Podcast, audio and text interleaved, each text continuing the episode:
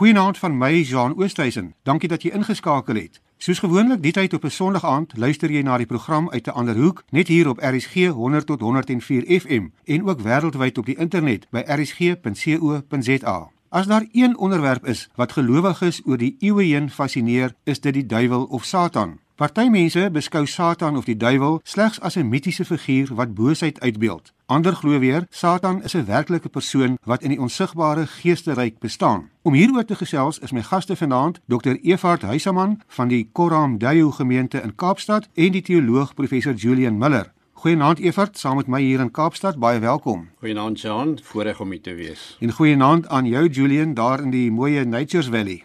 Goeienaand Jean. Evert, voordat ons gesels oor die duiwel se bestaan al dan nie en ook waar hy vandaan kom en wat die Bybel daaroor sê. Die Satan het jou van kleins af gefassineer en in jou finale jaar op kweekskool het jy self jou lisensiaat in demonologie gedoen. Was Satan 'n groot deel van jou lewe vir jou 'n werklikheid gewees en miskien net ter wille van die luisteraars kortliks, wat is demonologie? Jean, ek dink my pad met die demonologie kom of baie ver. Pad al trouens al in matriek, my matriekjare, het ek te doen gekry met die okkulte. So eh, dit is nie 'n kwessie van dat ek net daaroor gepraat het nie. Ek het was werklik in die praktyk betrokke by duistere magte gewees. Is daarvan bevry uiteindelik in my lewe, losgekom van daai dinge en uit die aard van die saak het dit my gefassineer die hele onderwerp en uh, toe baie begin lees daaroor my tweede jaar op universiteit was ek oor see ek het vir dokter Koet Kog in Glasterhausen gaan besoek en ek het daarna Vlaandering toe gegaan vir Willem van Dam ontmoet en ek het met hierdie twee groot geeste gepraat uiteindelik het ek my verhandeling by professor Willie Jonker gedoen oor die demonologie wat maar net die leer oor die demone of die demoniese magte van die Nuwe Testament en die Ou Testament behels en daarvan af het dit verder gegaan later betrokke geraak by die ondersoek na satanisme in Suid-Afrika by kolonel Jonker en kaptein Solms in die Kaap en so het my pad geloop. Goed, ons gaan nou weer terugkom daarna toe en hoe jou pad dan dalk ook verander het. Julian, jou pad met die duiwel, was jy ook op 'n stadium bang vir die duiwel en oortuig van sy bestaan? Ek moet nou eerlikwaar sê nee, ek uh, ek wel oortuig van sy bestaan is nou 'n ander ding, maar ek was nou regtig Ja, toe ons op vrees vir die duiwel nie, ek het nie so so 'n pad geloop nie. En wat my ook meer interesseer, as die vraag of die duiwel nou bestaan of nie, wat my meer interesseer is die vraag waarom dit vir mense belangrik is om in die duiwel te glo. Met ander woorde, meer die pastorale vraag, sluit ook aan by my vakgebied. Die pastorale vraag is wat maak dit vir mense nodig en hoekom as hulle geïnteresseerd daarin en hoekom hou hulle eintlik vas aan die idee van die duiwel? Dit interesseer my meer as die vraag van die duiwel as sodanig. So ek is bly vir Evert wat by ons is wat nou 'n uh, meer tegniese kennis het van die demonologie. Maar goed, ek vra vir julle albei Evert, waarom dink jy is baie mense so gefassineerd met die duiwel? Jean, ek reken dat dit mense se beskouing van die Christelike geloof en van die Bybel is wat die duiwel vir hulle baie sentraal en belangrik maak. Daar's 'n ou stelreël in die teologie, nullus diabolos nullus redemptor, wat beteken as daar geen Satan is nie, dan is daar uiteindelik ook geen verlosser nie. Waarvoor het Christus dan aan die kruis gesterf? En ek dink in die verlede het ek baie dikwels met mense swaarde gekruis oor hierdie punt, jy weet, daar moet 'n duiwel wees. In enige verhaal moet daar 'n goeie en 'n slegte figuur wees en om daai rede hou mense vas aan die duiwel. Wat die die psigologiese kant betref, jy weet, dink ek mense hou nog steeds vas aan die feit dat sekere siektes en siekte toestande terug herleibaar is na demoniese inwerkings. Julian, jou mening, waarom dink jy is so mense, baie mense nog so gefassineerd oor die duiwel? Ek stem saam daarmee, ja, ek dink dat mense vind dit is as hulle nie in die duiwel sou glo nie, of as hulle die duiwel sou laat gaan, dan is dit soort van die punt van die wig en dan kan hulle alles verloor. So as jy nie meer in die duiwel glo nie, aan die duiwel glo nie, dan kan jy ook nie aan God glo nie. Nou op 'n sekere manier is dit waar. Ons moet daaroor praat dink ek, maar dit is een van die redes dink ek waarom mense voel hulle moet vashou. Hulle voel dit is 'n pakket. Die duiwel die natuurlike magte, die engele, God, alles is in een gebeurt en as jy wat gaan dan laat jy alles gaan. Ek dink daar is nog 'n ding wat mense sê en dit is uh, dit is die ding met mense se siening van die Bybel of se manier waarop hulle in die Bybel glo. As jy 'n letterlike verstaan van die Bybel daarop nahou, dan moet jy natuurlik aan die duiwel glo want daar word in die Bybel gepraat oor die duiwel. Ek wil graag in die tweede helfte terugkom hiernatoe. Evert baie mense is ontstel om te hoor daar is selfs teoloë wat nie aan Satan glo nie. Maar dit is nie so nuut of ongewoond nie of hoe? Nee, kyk, mense het maar deur die soos ek net of jou ook gesê het, Goethe het by geleentheid gesê die duiwel is oud, hy het 'n lang geskiedenis en het 'n baie ingewikkelde en 'n komplekse geskiedenis. So jy dui deur die verskillende periodes het jy nou mense se belangstelling gehad wat hoog opgeklim het en dan laag gedaal het. Soos byvoorbeeld in die middeleeue was alles gekleur met die duiwel. Met ander woorde mense het el agter elke bos die duiwel gesien, elke siekte en elke verskynsel die duiwel gesien. En dan kry jy uiteindelik by die verligtingsperiode dat die duiwel eintlik in 'n sekere sin weer versaak is. Mense het nou gesê daar bestaan nie so iets soos 'n duiwel nie. En in daardie tydperk toe na dit in die moderne teologie kry ons so Schleiermacher en Bultmann die Duitse teoloë wat gesê het nee die duiwel is eintlik maar 'n randfiguur ons moenie soveel aandag daaraan gee nie. Na hulle het ouens gekom soos Bart wat weer gesê het in Berkhouer die Nederlandse teoloog het gesê nee ons moet kennis neem van die duiwel. Hy is 'n definitiewe gevaar. Berkhouer byvoorbeeld het gesê 'n mens moenie te veel aandag gee aan die duiwel maar jy moet ook hom nie te veel onderskat nie. So deur die geskiedenis het jy maar hierdie wipwaarheid gekry van boontoe en ondertoe met die duiwel. Julian, wanneer mense oor die duiwel praat, dan is die eerste ding waarna mense jou verwys is die Bybel. Maar daar's 'n groot verskil tussen die duiwel waarvan ons in die Ou Testament lees en die een in die Nuwe Testament nie waar nie, en baie gelowiges besef dit nie. Kom ons kyk net eers vinnig na die Ou Testament, want die woord Satan kom eintlik baie min in die Ou Testament voor en speel nie 'n groot rol in die Ou Testament nie. Hoe lyk die duiwel van die Ou Testament en hoe verskil hy van die Nuwe Testament se duiwel of kom ons praat net eers oor die Ou Testament se duiwel? Ek weet nie of daar so groot verskil is nie, Jan. Uh, onthou dit is 'n antieke boek waaroor ons nou praat, die Bybel, wat in 'n tyd geskryf is, ontstaan het by die Ou en Nuwe Testament, waar mense 'n antieke wêreldbeeld gehad het, heeltemal 'n ander soort wêreldbeeld as die wat ons vandag daarna hou.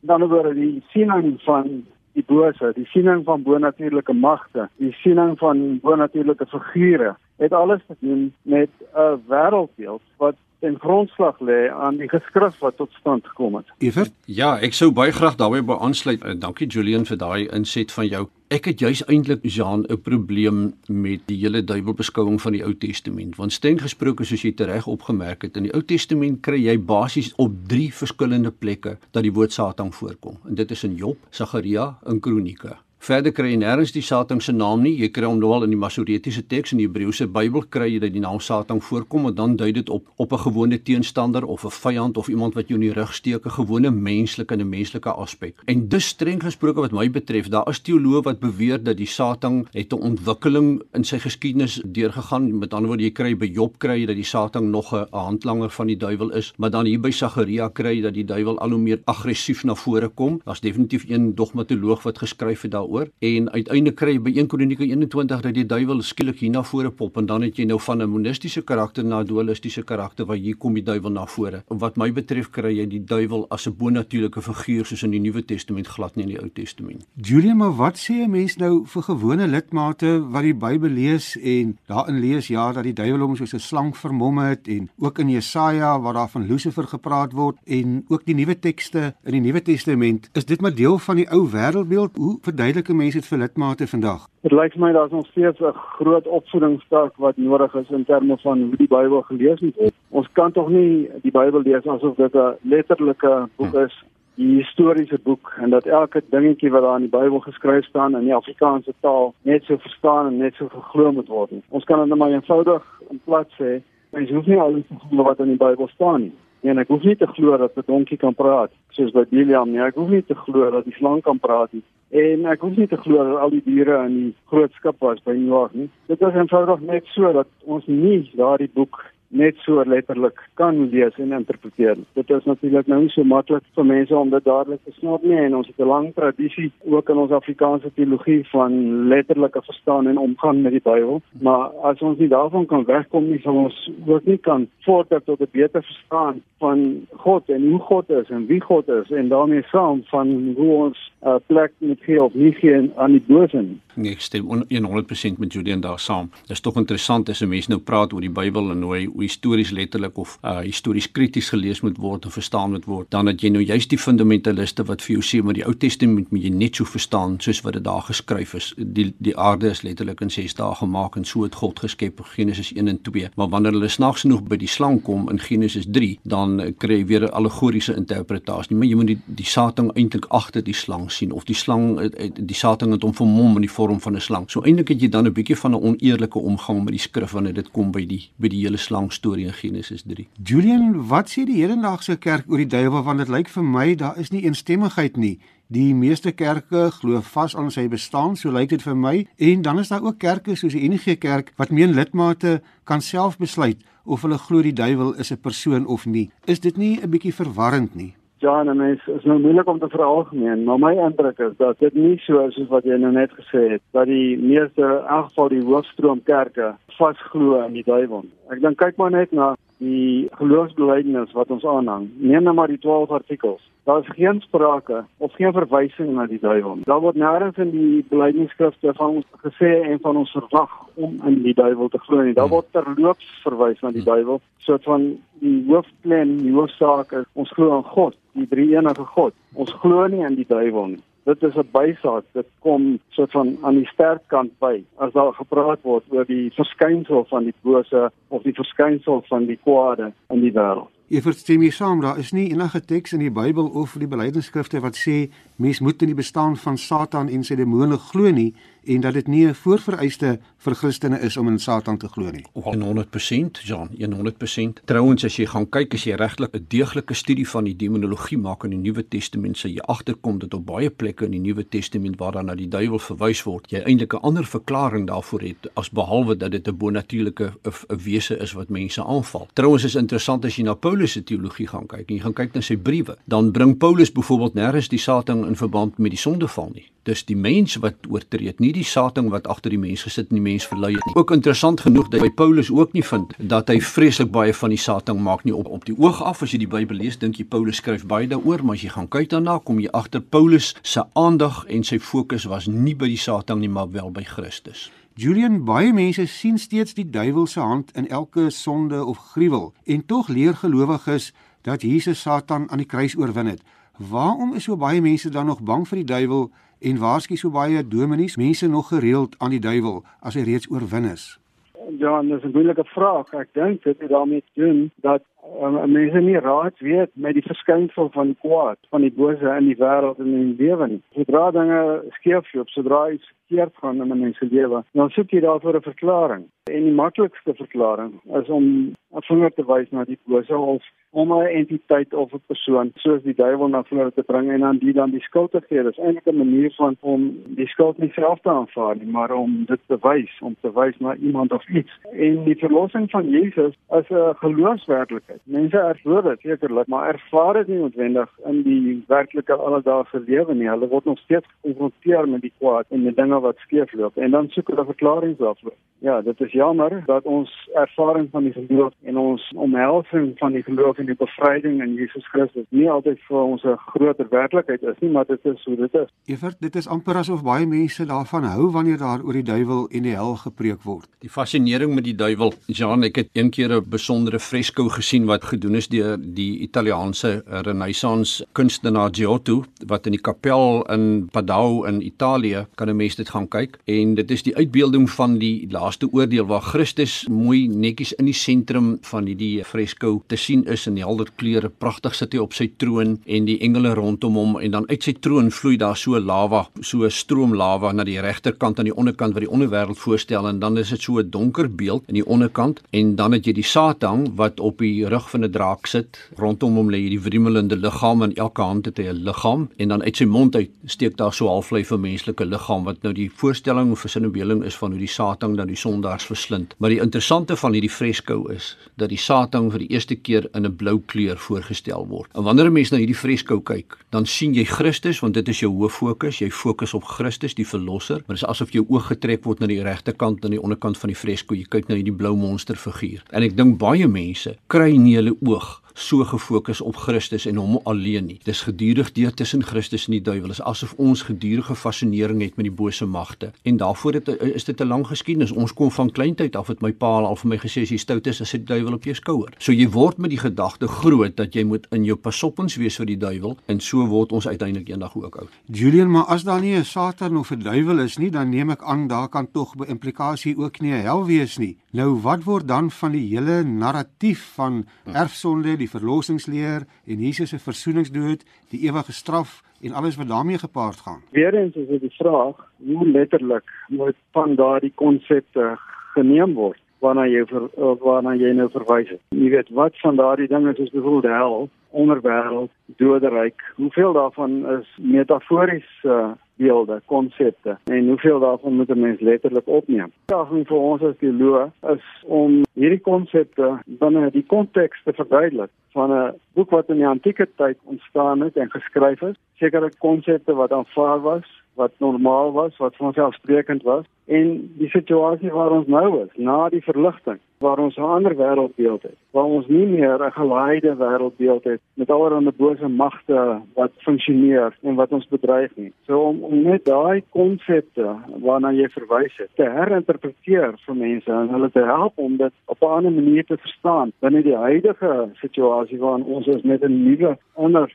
soort van wêreldbeeld. Dit is die uitdaging. Die Bybel kan nie net oorgeplaas word na vandag toe en letterlik gelees word asof al daardie konsepte van selfsprekend duidelik is in ons hedendaagse konteks.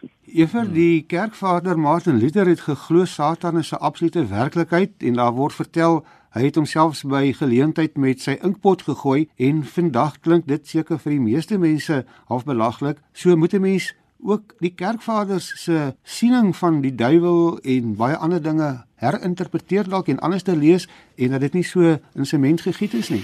Ja, ek dink dit was ook Luther wat die duiwel Simeus dui genoem het, die naaper van God. Luther het uit die aard van die saak 'n baie realistiese duiwel ervaring of belewing gehad van hom. Maar dit is ook weer eens in die tyd waar dit hy kom. Ek dink Julian het dit raak gevat toe hy gesê het maar 'n mens kan nie dit wat jy in die antieke tyd of selfs in die middeleeue of selfs in die tyd van die reformatie sommer net dood eenvoudig oordra na vandag in die 21ste eeu toe en vir mense sê maar dit is presies hoe dit is nie. En daarom dink ek kan 'n mens as jy oor die duiwel praat, raak dit uiteindelik al die ander punte kaarte ook. Dis soos 'n kaarthuis. Trek jy die een kaart uit dan val die hele kaarthuis in mekaar want hoe kyk 'n mens na die sondeval in die Ou Testament? Praat ons regtig nog is daar regtig nog sprake van 'n van 'n oersonde en van sondesmet en dat die sonde oorgedra word van van van persoon tot persoon van ouer na kind toe? Uh want uiteindelik steek hierdie dinge alles in mekaar. As jy praat van die duiwel en jy sê wel die duiwel bestaan nie, dan sê mense vir jou in die kerkbank, maar wat dan nou van die die sonde en, en die oordeel en al die goedes, dit staan tog in die Bybel geskryf. So vir mense is dit in die kerkbank is dit vir mense mense 'n wesenlike probleem en ek het baie groot begrip daarvoor.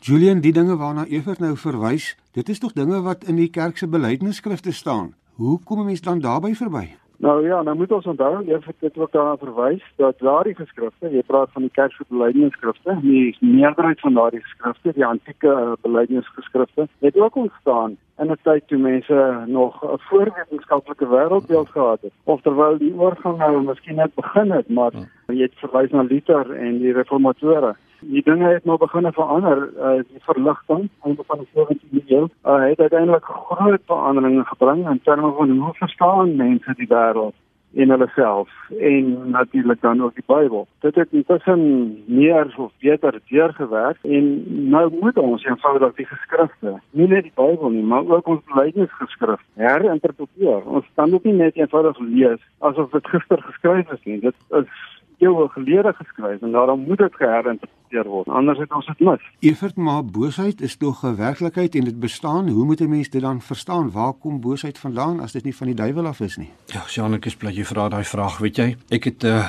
hele klompie jare 10, 12, 13 jaar terug, het ek die geleentheid gehad om Auschwitz in Pole te besoek. Dit was my eerste besoek aan die konsentrasiekamp en daai dag het ek in die gaskamer gestaan en ons was 'n klein groepie gewees en hulle die deur agter ons toegemaak en jy het verwyder daar binne gestaan met jou eie gedagtes. In 'n klomp dinge het deur my gemoed gegaan. Die een ding wat sterk na vore gekom het is die die hele tradisionele voorsienigheidsgeloof. Waar's God betrokke by hierdie dinge? Maar weet jy in terselfdertyd Jean het ek ook gekyk en ek het nie die werk van die duiwel iewers op die konsentrasiekamp gronde gesien nie. Ek het die handewerk van mense gesien. En in daai sin is ek baie meer Joods as wat ek Christelik is want die die hoofstroom Joodse teologie glo tot vandag toe nog behalwe nou die kabbaliste en die mistieke glo hulle vandag nog steeds dat daar twee elemente in die mens is die Yatsarara en die Yatsaratop die die goeie element en die slegte element en ek glo dat die boosheid wat in die wêreld aanwesigheid is nie 'n boosheid wat bonatuurlike oorsprong het nie maar 'n menslike oorsprong het oor wat jy rondom jou kyk sien jy die handewerk van mense die vernietiging van mense so iemand het vir my tyd terug gevra sê hoe kan jy die duiwel verklaar. En ons het daaroor gesels. Jy sê ek vir hom, weet jy,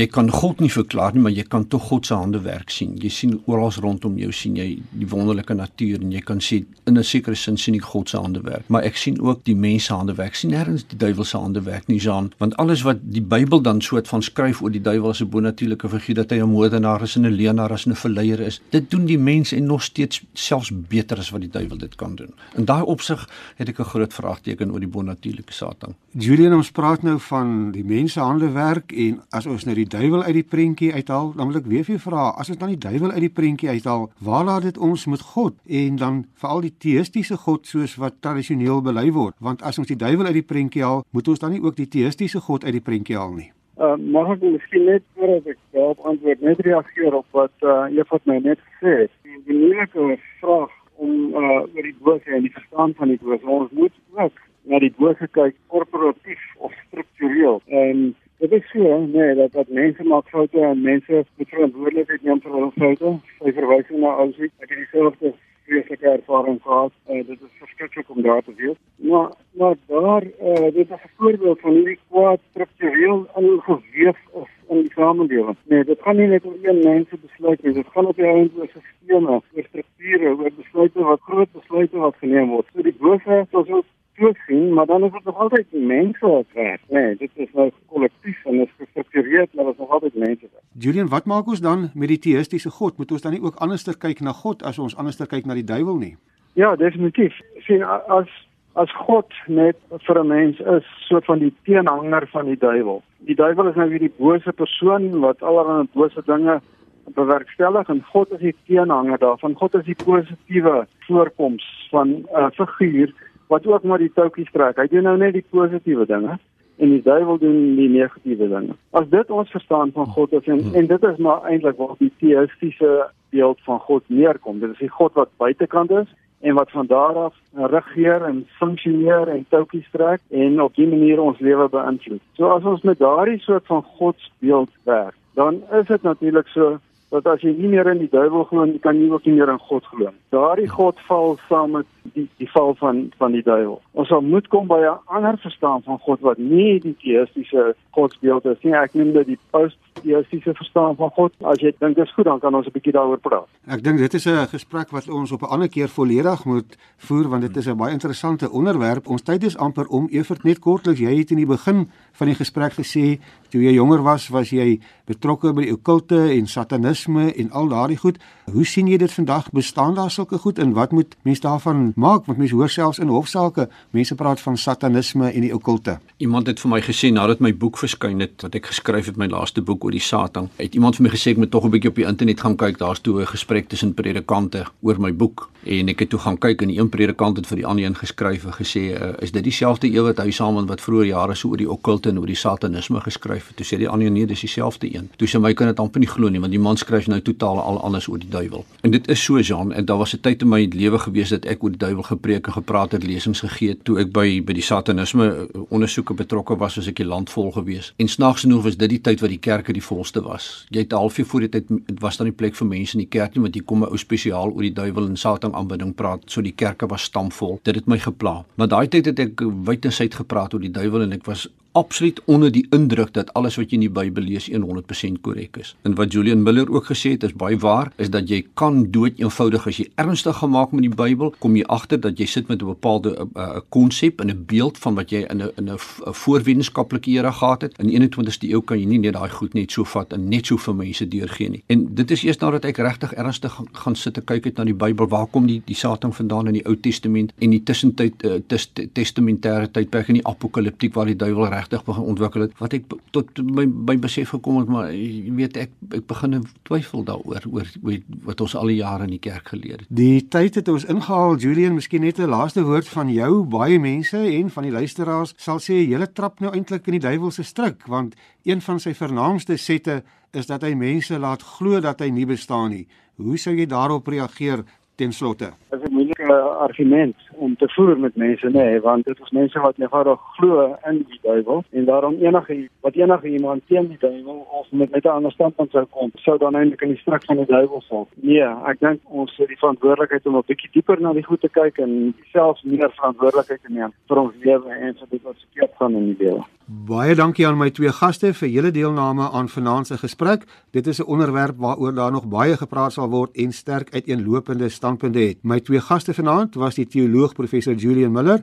en Dr. Evert Huyshamen van die Koram Dayo gemeente in Kaapstad. My e-posadres is jean.oosthuizen@gmail.com of volg my op Twitter. Ek Jean Oosthuizen groet tot volgende Sondag aand wanneer ons vir die laaste keer in die reeks weer uit 'n ander hoek gesels. Goeienaand en geniet die res van jou Sondag aand in RSG se geselskap.